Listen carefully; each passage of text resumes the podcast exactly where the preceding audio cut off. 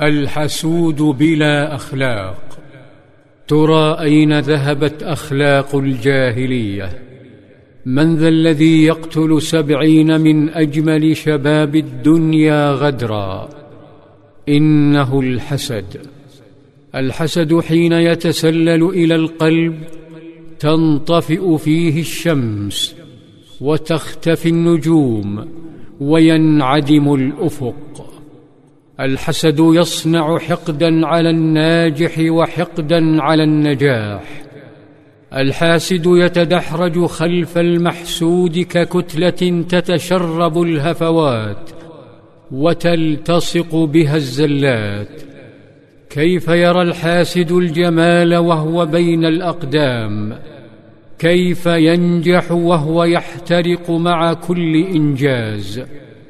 الحسد أفقد الوثنيين مروءتهم ورجولتهم. حين رأوا رجلا كان بالأمس وحيدا طريدا رأوه يشيد دولة للأخلاق والنظم والتشريعات. جن جنونهم وهم يرون رجالا كانوا بالأمس عبيدا يصبحون بالإسلام قامات وهامات. خمسة عشر عاما لم يخنهم محمد صلى الله عليه وسلم. لم يؤذهم. لم يمد يده على أحد منهم. ومع ذلك أوجعوه حتى ترك لهم أحب البلاد إليه. فلم يتركوه. روعوه. لاحقوه بسيوفهم.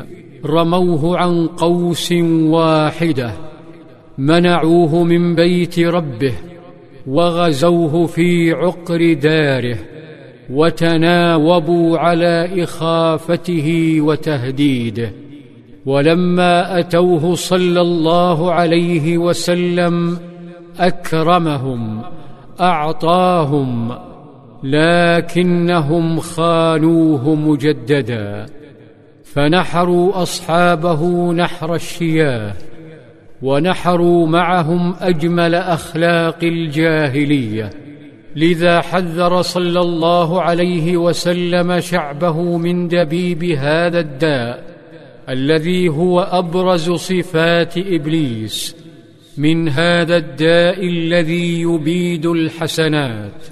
فقال صلى الله عليه وسلم دب إليكم داء الأمم الحسد والبغضاء هي الحالقة.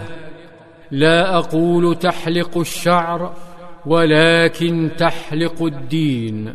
ثم حلف فقال والذي نفسي بيده لا تدخلوا الجنة حتى تؤمنوا ولا تؤمنوا حتى تحابوا. أما شبابه المغدورون فلجأ بشأنهم إلى الدعاء. ظل شهرا كاملا يقنت إذا رفع رأسه من الركوع الثاني لصلاة الفجر.